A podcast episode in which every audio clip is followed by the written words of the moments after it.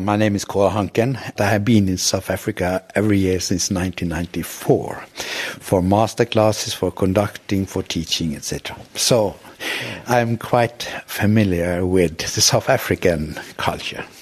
The work you've done in the Eastern Cape. Tell me a little bit about that. It started with an agreement our Prime Minister Nelson Mandela made in 97. And one of the point was culture, exchange and development in culture. So when I was asked to go to South Africa to try to see what network can I find, uh, the government said, "Go, we pay, so we see what's happened." And then we I had a meeting in all the different parts of uh, South Africa, all the provinces, and Cape Town and our um, Port Elizabeth University came back to me and asked if I could come and help them to build up an education program for conductors. So I did, and we made a big program there from 1999 to 2005 and the Norwegian government supported it very much also. So it was a great time because we had conductors which never have had an education before up to the PhD. So we had the whole scale of range of, of levels. And uh, I think about 450 conductors have got a diploma or something from that. How did you experience working with um, the African conductors? It is about music. so African conductors, Chinese conductor, Norwegian conductor, Swedish conductor, it is more or less the same. It is about music. How do we understand the music? How can we really feel for the music?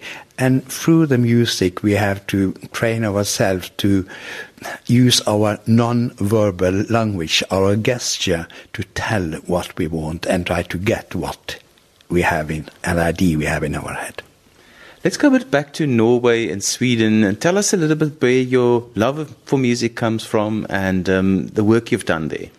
In Norway, as in South Africa, uh, the choral singing is big. It is the main culture in music, uh, and but we didn't have any formal education in conducting before 50 years ago.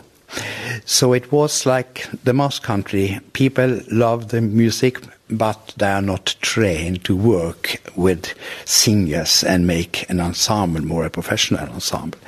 So the education is uh, quite new, but the singing tradition is long. And you know, we were a part of Denmark for 400 years, and then we were almost 100 years apart of Sweden. That influenced also our culture and our uh, our singing tradition. So you can see so in Denmark, Norway, and Sweden has more or less the same tradition and the same style and the same sound also. And I was involved first in in uh, education of uh, conductors at the university in Oslo, and there I was also asked to take the Schola Cantorum, the chamber choir, there uh, after Knut Nystedt, the famous Norwegian composer. And with that choir, I was asked from Nelson Mandela to come to a festival in uh, South Africa in '94, and also that was my first trip to South Africa. Now, this week you're going to be very involved with a lot of choir activities at Bishops. This is a conducting seminar, and conductors coming from all over the country.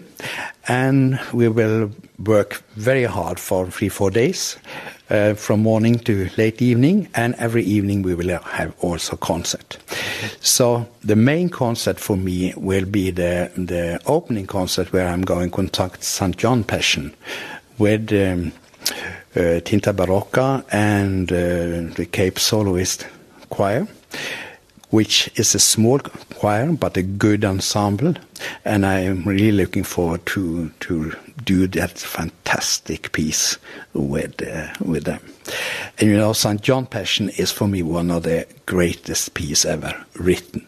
The drama, the beauty uh, of the of the um, um, arias, etc but the drama in itself is fantastic to do. What will the focus be of the seminar? The focus will be interpretation of Baroque music, um, interpretation of some romantic music as well.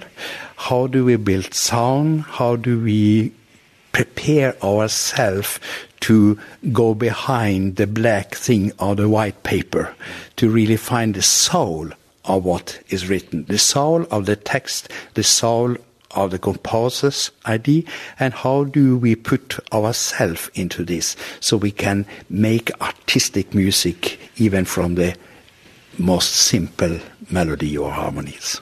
How do you generally experience South African choir music? When we talk about South African choir music, what do we talk about? We talk about the English tradition, we talk about the German tradition, we talk about the black African, we talk about uh, Malay singing, so that is a, a big variety. And all these have a different culture, different sound, com- uh, which go back, of course, to the language, because the language is an important uh, uh, role in the sound of, of choral music or singing in general. And it's also very different if you think about the English tradition, which you have by the English, more English choirs in, in Africa, if I can say it in that way, to, to the black. That's two, two different words of singing.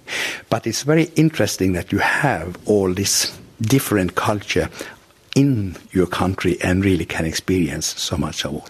Last question. So, when you leave South Africa, what do you take with you from all your experiences here? Love to music, no, to uh, the, the warmth, the Um, the inspiration they have after such such week to be together. Not with me or Zemfira or something like that, but they're just they meet and they can be in the bubble of music for some some days, inspire all of us, and of course together with conductors reflect on interpretation, reflect on sound, reflect, reflect on gesture. How do we do together to get this better for people and choral singing around the world?